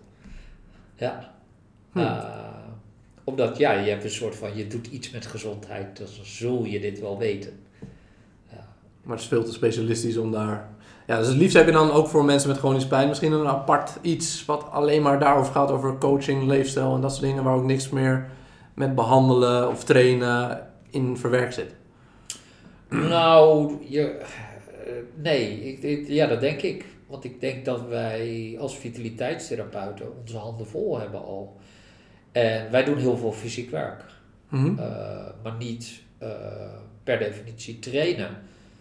Eh, bijvoorbeeld het kunnen eh, voelen van emoties. Eh, en waar je het voelt. En wat je lichaam je wil vertellen. Een emotie vertelt alleen maar iets dat iets waardevol is. Sommige mensen kun je niet bereiken met gespreksvoering. Nee. Slaan gewoon dicht. Nou, dan gaan we gewoon iets anders doen. En we kunnen boksen. Maar we kunnen ook eh, eh, ja, de technieken gebruiken, zoals een emotioneel veld en weet ik wat allemaal. Zonder dat dat zweverig is. Maar dat ze soms het verhaal aan ons vertellen door gewoon alleen maar op een schaal te lopen om aan te geven waar de intensiteit is. Hm. Als er dit gebeurt. Ja, en dan hoeven ze ons niks te vertellen. Ze hoeven alleen een stapje naar rechts of naar links te maken. Eh, maar daar zijn we in getraind in de zin dat we beginnen met gespreksvoering. En dan zien we dat mensen gewoon vastlopen in gespreksvoering. Nou, dan hebben we heel veel alternatieven. Nou, dat is ook weer een heel extra ding wat je moet integreren. Ja, dus niet Ja. even een weekendcursusje met een paar tools en eh, klaar. Nou, je, wat je ziet is dat het geen samenhangend geheel wordt. Wij komen heel veel mensen tegen die ontzettend veel weten. Gewoon heel veel. Eh, en ook echt hele toffe dingen doen, goede dingen doen. Eh, maar als je op een gegeven moment gaat vragen waarom doe je dat en waarom doe je dit in die volgorde en weet je al dat soort zaken allemaal, dan kom je erachter dat, dat er een soort van fundament ontbreekt. Mhm. Uh, en er is geen. De meeste mensen leren niet een systeem of het systeem is heel rigide. En uh, ja, dat, dat is. Ja, wij hebben zelf daar 15 jaar over gedaan om een, een soort middenweg daarin te vinden. Een raamwerk waarin je oude en nieuwe kennis kunt verenigen. Ja. Uh, en wat ik mis, en als je zoiets niet hebt, dan heb je, mis je een soort fundament. En ik kom het in de fitness tegen. Uh, ze doen maar wat omdat het nieuw is en erbij en het lijkt op. Ja. En, en, ze gaan alle kanten uit. En ik zie dat dus ook, dat, dat, dat motivational interviewing volledig losgekoppeld kan staan van pijneducatie. En zeg maar, wat verbindt die twee nou bij elkaar? En hoe he, zit er een onderliggend systeem? Zijn er dingen die je wil adresseren binnen motivational interviewing, die je ook wil adresseren in pijneducatie? Zitten differentiatiecriteria in uh, hoe je je motivational interviewing insteekt in je pijneducatie mm. of andersom? En hoe verwerk je dat binnen ACT? Nou, binnen ACT wordt helemaal niets gedaan met motivational interviewing. Dus nu heb je drie verschillende tools die soort van iets met het psychosociaal deel doen waarvan ik denk van ja, maar er zit geen verband in. Nee, niet echt geïntegreerd met elkaar. Nee. nee. Uh, en dat is jammer. Gewoon. Ja. ja. Uh, en ik denk dat het. Uh, en toch denk ik dat als een fysiotherapeut dus veel meer weet over het biopsychosociaal model, veel effectiever kan zijn. Ja, maar op het juiste moment dan doorstuurt naar een vitaliteit. Dus het eerste stukje ja. misschien zelf probeert en dan Zeker. uiteindelijk doorsturen of samenwerkt met. Ja. Ja, het is meer verbreding dan. Zeker. Ja. En, uh, dat is een, op een gegeven moment een, uh, een, een, indicatie. Het is hetzelfde als dat je iemand rugpijn heeft en je laat een been omhoog strekken. En voor de 60 graden ontstaat er een steek in de rug. Dan zeg je ook, nou, misschien moet je... Van een neuroloog. Ja, precies. Ja. ja? dus dat soort en ik denk echt, ja, ik, ik ben wel gecharmeerd van hoe Greg Lehman erin staat. Het gegeven dat je al het idee hebt dat hij uh, veel meer in dat managementstuk zit en, in, en, en, uh, en de psychosociaal mm -hmm. stuk meeneemt, geeft volgens mij aan dat hij precies de juiste is om het uh, toon heeft ja, zeker. Ja. Omdat hij is echt, hij, hij is een meester op het gebied van biomechanica. Oké. Okay. Ja, uh, maar hij begrijpt die menselijke kant heel goed. Hij managt die menselijke kant. En dat is waarschijnlijk ook waarom dat hij zo'n goede docent is en zo populair is in zijn, uh, in zijn cursus. Ja. ja. ja, cool. Ja. Ga er gelijk even naar kijken. Ja, Mogen wij nog één vraag stellen Zeker. over die eh slaapschuld en die relatie met pijn? Want volgens mij hebben wij in een blog van jou gelezen dat... eh, Want wij hebben bijvoorbeeld nu een e-book geschreven over eh, slaap en hoe je dat het beste... ja. eh, hè, hoe, hoe kan, maar ik las volgens mij laatst een artikel, of op Facebook iets in die richting... Dat jij aangaf dat je juist als je heel veel met pijn, eh, met slaapeducatie bezig bent... Dat het ook af en rechts kan werken. zeker. Het kan een noce- nocebo-effect hebben. Ja, dus Ja. Hoe, hoe, eh, hè, want wij zien heel veel mensen met pijn en die ook hè, problemen hebben met slaap. Ja, Hoe zou je daar dan in gaan? Wat is dan hetgene wat je iemand kan eh, meegeven? ja. Moet je het helemaal loslaten? Moet je aangeven dat het een invloed heeft, maar niet echt tools meer geven om er iets mee te doen? Of? Ja, nou, ik, ik, ik, bedoel, ik heb ook eh, aan die kant gestaan. Dat ik, nou, ik, had, ik weet niet hoe lang dat geleden is, maar ik denk 10, 15 jaar geleden waren wij bezig met slaap. Ja, dan word je meer gevangen door het- je kennis. En dan ben je heel enthousiast om daarover te vertellen. Eh, en nu eh, ben ik steeds minder gaan vertellen. Oké. Ja, en dat wil niet zeggen dat je niet los moet laten, maar als je bijvoorbeeld al aangeeft dat, eh, dat pijn een gewoonte kan zijn, product van een gewoonte, jouw lichaam is, is het eerste wat hij doet eigenlijk. Mhm. Eh, en je kunt aangeven dat als je korter hebt geslapen, dat je eerder terugvalt in gewoontes. Eh, dat is een relatie die de meeste mensen minder, eh, in ieder geval minder beangstigend vinden. Oké. Ja. Dus dat is één deel. En dan zeggen we vervolgens, maar we willen gewoontes veranderen. Eh, en dan kun je wel iets met slaap gaan doen. In de zin van, eh, wat bijvoorbeeld? Nou, je kunt bijvoorbeeld, eh, als je bijvoorbeeld mensen die stressen kunnen moeilijk in slaap vallen. Mhm. Ja. En dan zeggen ze, nou weet je, ik ga. wat ze dan doen is natuurlijk gewoon de tv aanzetten om hun hoofd leeg te maken. Nou, we weten dat dat weliswaar helpt om je hoofd leeg te maken en om in slaap te vallen. Soms. Want die stomme cliffhangers die zorgen er soms voor dat je toch de volgende nog wil kijken, de volgende aflevering. Nog eentje. Dan iets te lang doorgaat. Ja. Eh, maar ook eh, dat als die tv aan blijft staan, of, eh, maar zelfs al doe je de tv uit, dat de kwaliteit van de slaap afneemt. Oké. Dus nu heb je met twee zaken te maken. Dus, dus ze moeten kiezen tussen twee kwaden eigenlijk. Hè? Of niet in slaap vallen omdat je hoofd eh, bezig is. Of wel in slaap vallen. eh, maar dan minder kwaliteit. En waarom heeft dat effect dan, als je tv kijkt op de slaap, slaapkwaliteit? Ja, dat heeft te maken met activatie van het brein. Je kan heel duidelijk zien dat je hersengolven anders zijn als je televisie hebt gekeken. Is Ja. dat dan ook specifiek door blauw licht, of is dat weer een ander... da- Daar Blauw licht is, vaak eh, is wel een fenomeen, maar het is nog onduidelijk wat het probleem is van blauw licht. Oké. Omdat eh, heel recent was er van, via het RIVM nog een onderzoek. Daar zagen we inderdaad dat de melatonine, dat de melatonine niveaus die beïnvloed worden door blauw licht, geen relatie hadden met slaapklachten. En dat het dus vooral veel meer zit in de excitatie. Dus dat mensen eh, arousal ervaren van wat ze zien. Het is niet, dus niet het medium, maar de content. Ja? Eh, daarmee wil ik niet zeggen dat het per definitie eh, onschuldig is. Ik, ik geef alleen maar aan dat wij veel te makkelijk zeggen dat blauw licht is. Ja, het bewijs eigenlijk nog helemaal niet zo stevig is. we hoeven nog niet allemaal met zo'n eh, UV-bril eh, voor de... Oh, ja, ja. Dus dat is, eh, dat is lastig. Dus feitelijk moet je dan mensen gewoon leren om in slaap te vallen. Nou, er zijn sommige mensen die zeggen, ja, ik ga, ik ga dan eh, eh, twee uur van tevoren ga ik geen televisie meer kijken en ik heb niet meer mobiel en, en dat soort dingen allemaal. Ja, ik weet niet of dat noodzakelijk is. Je kunt ook gewoon zeggen, nou, hoe ga ik nou eh, eh, zorgen dat ik ga ontspannen en mijn hoofd leeg kan maken? Dus bijvoorbeeld een buikademhaling. Een buikademhaling kan zeker, ja. Maar dat zijn eigenlijk twee directe tips. En dat is denk ik gewoon leuk voor je patiënten. Mhm. Die je kunt doen. Eén is dat als je vooral bezig bent met morgen. Is dat je een te-doen lijstje moet maken. Van wat ga ik morgen doen. Dat doe je ongeveer een half uur van tevoren ga je eraan beginnen. En elke keer als er iets in je hoofd zit, schrijf je het gewoon op. Nou, als je het in een half uur niet kan verzinnen, kan je het in vijf uur ook niet verzinnen. Dus in dat half uurtje is het gewoon heel duidelijk. Dat is het lijstje. Want Dan- dan is het uit je hoofd en dan... ja, dan staat je hoofd, dan weet je dat je niks gaat vergeten. En de volgende dag word je wakker, weet je meteen wat je moet doen. Dus dat werkt voor een deel van de mensen, werkt dat meteen. Daar Mhm. wordt onderzoek naar gedaan. Uh, en ze slapen daardoor sneller in. In plaats van dat ze aan het nadenken zijn wat ze morgen.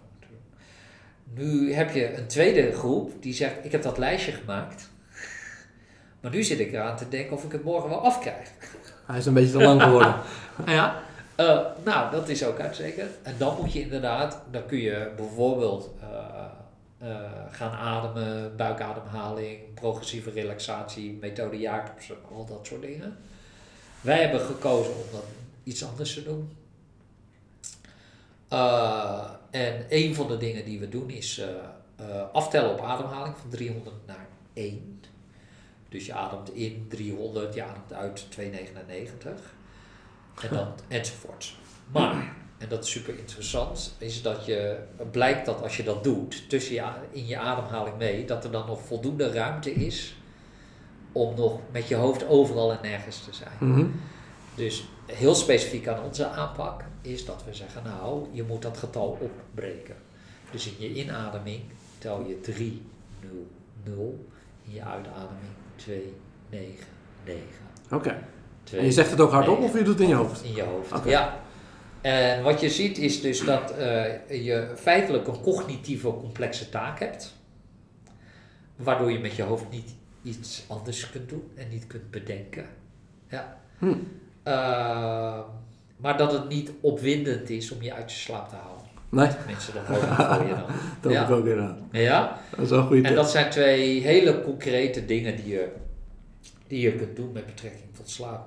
En dan zie je dat we veel minder bezig zijn met die meer fysiologische verklaringen, zoals blauw licht en al dat soort zaken. Eh, en dat we heel sterk kijken naar wat is nou de bewijskracht ervan. Mhm. Ja, dan zie je, ja, je ziet ons ook nooit iets boos over blauw. Nee, nee. Nee.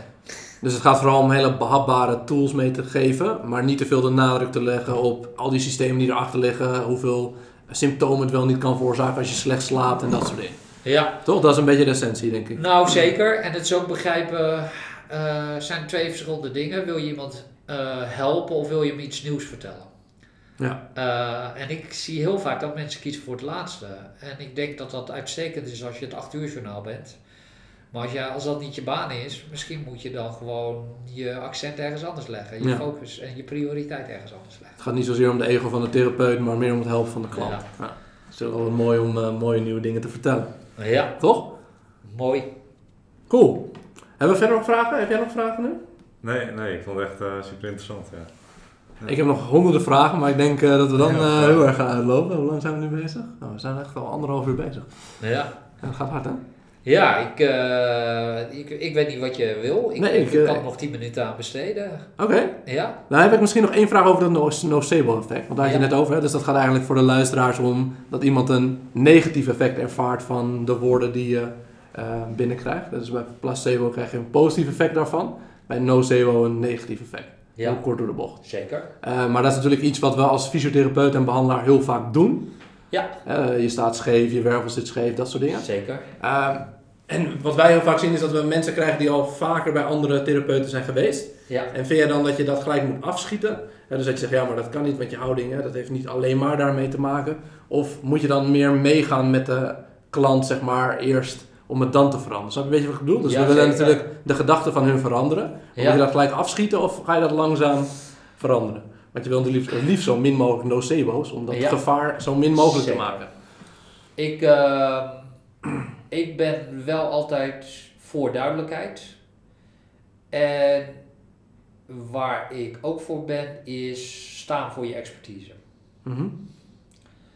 Eh, dus als iets onzin is, dan zou ik daar altijd wat van zeggen. Oké, direct. Direct. Oké. De vraag is eh, natuurlijk hoe je het zegt. Eh, en hoe je voorkomt dat je in een eindeloze discussie terecht gaat komen. Ja, of dat echt Oké. een aanval wordt. Zeker. Dus er zijn een aantal zaken die je zou moeten doen. Het eerste is als iemand dat zegt, is dat je aangeeft, ja, ik eh, begrijp dat je dat, eh, dat dat logisch is voor jou. Daar zijn heel veel misverstanden over. Er zijn heel veel mensen vinden dat logisch. Maar het zit technisch een klein beetje anders. Het woord technisch is hier super belangrijk. Ga nooit zeggen wetenschappelijk. Oké. Gaan mensen een discussie aan met jou over wetenschap. Want omdat het niet... eh, Ja, dit, onder één onderzoek zegt dit, ander Ah, onderzoek ja. zegt dat. Niet gewoon. Jij zegt gewoon, het is allemaal heel logisch. Ja, het klinkt logisch, heel veel misverstanden over, maar het zit technisch anders. Oké. Op dat moment zeg je, ik ben de expert en het zit technisch anders. Dat is wat je eigenlijk zegt. Mhm. Oké. Ehm, het volgende is, is dan, als je, eh, als je wil weten hoe het precies zit,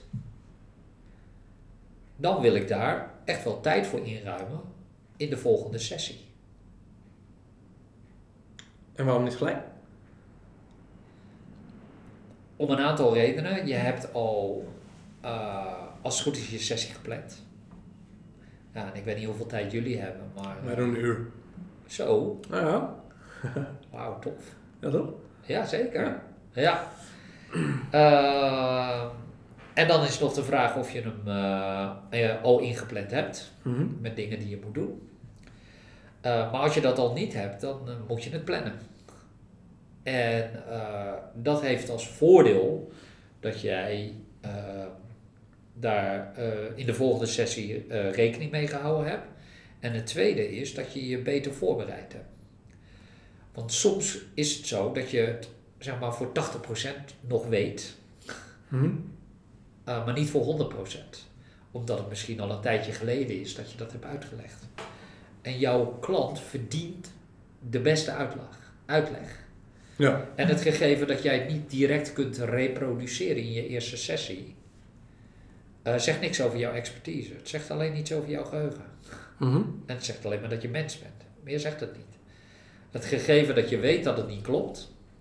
En ongeveer weet hoe het wel in elkaar zit. En weet waar je dat mee kunt onderbouwen. Dat maakt jou een expert. En dat is de reden waarom dat wij het verschuiven naar een volgende sessie. Oké. Dus wij zeggen, het, we hebben al ingepland. Ik heb nog een aantal dingen te doen, dus ik heb er nu geen tijd voor. Als je het echt belangrijk vindt, dan eh, gaan we dat. eh En stel die zegt, klant zegt nee, het interesseert me eigenlijk helemaal niks. gebeurt ook veel. Oké. Ja. Maar dan wil je nog steeds vanuit jouw, wat je net zei, vanuit jouw expertise of vanuit het vak wil je dat de waarheid, zeg maar. eh, Zeker. Maar op dat moment heb je al gezegd dat. Heb je al aangegeven dat het niet klopt. Ja, oké. Ja. Dan gaat het alleen weer om je ego, dat het niet gaat om dat jij het mooi kan uitleggen, maar dat het gewoon ja, anders zit waarschijnlijk. Ja. Kijk, wij trekken gewoon meteen de streep. Eh, door te zeggen, nee, het zit niet zo. Het zit technisch gezien anders in elkaar. En ik wil jou dat echt wel uitleggen. Dus je, bent, je neemt de klant... je- Allereerst zeg je, je bent niet gek, want hier zijn heel veel misverstanden over. Mhm. Twee, ik ben hier de expert en het zit technisch anders in elkaar. En drie is, ik neem jou super serieus. En ik ben ook bereid om verantwoording af te leggen. Ja. Dat zijn de drie zaken. En dat is wat je vertelt. Nou, ik denk dat mensen geen betere therapeut eh, mogen wensen. Nee, precies. Ik krijg dan niet vaak een, eh, een vraag terug waarom je het niet direct uitlegt. Of zeg je dan ook van, van ik weet het voor die 80% op dit moment? Of, Nee, ik zeg, het is gepland. Ik, Oh, ik heb, Gewoon, eh, ja. ja, ik heb een sessie gepland. Dus, moet het, eh, ja, dus ik heb nu niet op gerekend om, daar, om dat uitgebreid uit te leggen. Als je dit echt uitgebreid toegelicht wil hebben, dan, dan ruim ik daar de volgende sessie tijd voor in. Ja, ik denk ook voor ons vak, eh, vooral in fysiotherapie, waar we het net over hadden, volgens mij stond de microfoon nog niet aan. Hè, maar dat eh, fysiotherapie best wel in een, eh ja, een zoektocht is in waar het nou precies heen moet. Dat het wel belangrijk is dat we dat soort dingen steeds meer gaan uitleggen, denk ik. Hè, omdat er zoveel verschillende meningen zijn of worden gegeven die waarschijnlijk niet helemaal waar zijn, maar waardoor mensen wel op een negatieve manier over een klacht gaan nadenken. Ja, Maar dan, dat moet je inderdaad wel in overleg doen, niet zomaar spuien omdat je dat zelf leuk vindt om te doen. Dat moet wel een nut zijn ook voor de klant. ja, Ja, precies. nou zeker. En dat, daar ligt ook een taak van eh, voor, voor de beroepsvereniging. Ja, Kijk, eh, kennelijk kun je heel veel dingen gewoon eh, accrediteren als je er maar een literatuur, literatuurreferenties bij gooit. Mhm. Ja, ik, ik, ik denk dat, dat, dat ook daar mensen in die commissies gewoon wat steviger moeten gaan kijken. Ja. Ja. Eens. Meer eenzijdig, meer een profiel. Kijk, de fysiotherapeut bestaat niet, dus afhankelijk van waar je gestudeerd hebt en welke lichting, kun je, eh, kun je bij eenzelfde klacht eh, compleet verschillende dingen doen. Ja, dat is ook wat vaak gebeurt natuurlijk. Daar zijn- Zeker. ja. En dat is raar. Zeker. Als je zegt wij zijn evidence-based, dan, dan is, dat, een- is, dat, ja, is het heel moeilijk uit te leggen Dan zou je ongeveer altijd dezelfde... Ja, klopt. Ja. Ja. Nou, en dan hangt het af van de, maar dat is, ook zelfs dat is eh, evidence-based eh, patiëntvoorkeur. Eh, maar ook de mogelijkheden die je hebt. Dus als je een gym hebt, dan is het misschien anders dan wanneer je alleen een Dynabeentje hebt. Ja, true. Interesting. Ja, mooi. Ja, super bedankt. Ik denk dat we echt eh, nou, weer een stap verder zijn. Tof. Ik zou nog honderden vragen hebben, maar voor nu is het deze podcast helemaal, Ja. helemaal super. Ja, je kunt ze ook stellen hè, op ons nieuwe Ja, community platform. zag het, ja. Dus eh, ja, stel daar gewoon je vragen. Gaan we zeker doen. Ja, En ik denk dat het voor elke therapeut, behandelaar of iemand die met pijn bezig is, dus nuttig is om zich hier meer in te verdiepen en helemaal misschien de richting van vitaliteitstherapeut op te gaan. ja, Dat, eh nou, super. Dankjewel. ook bedankt. Ja.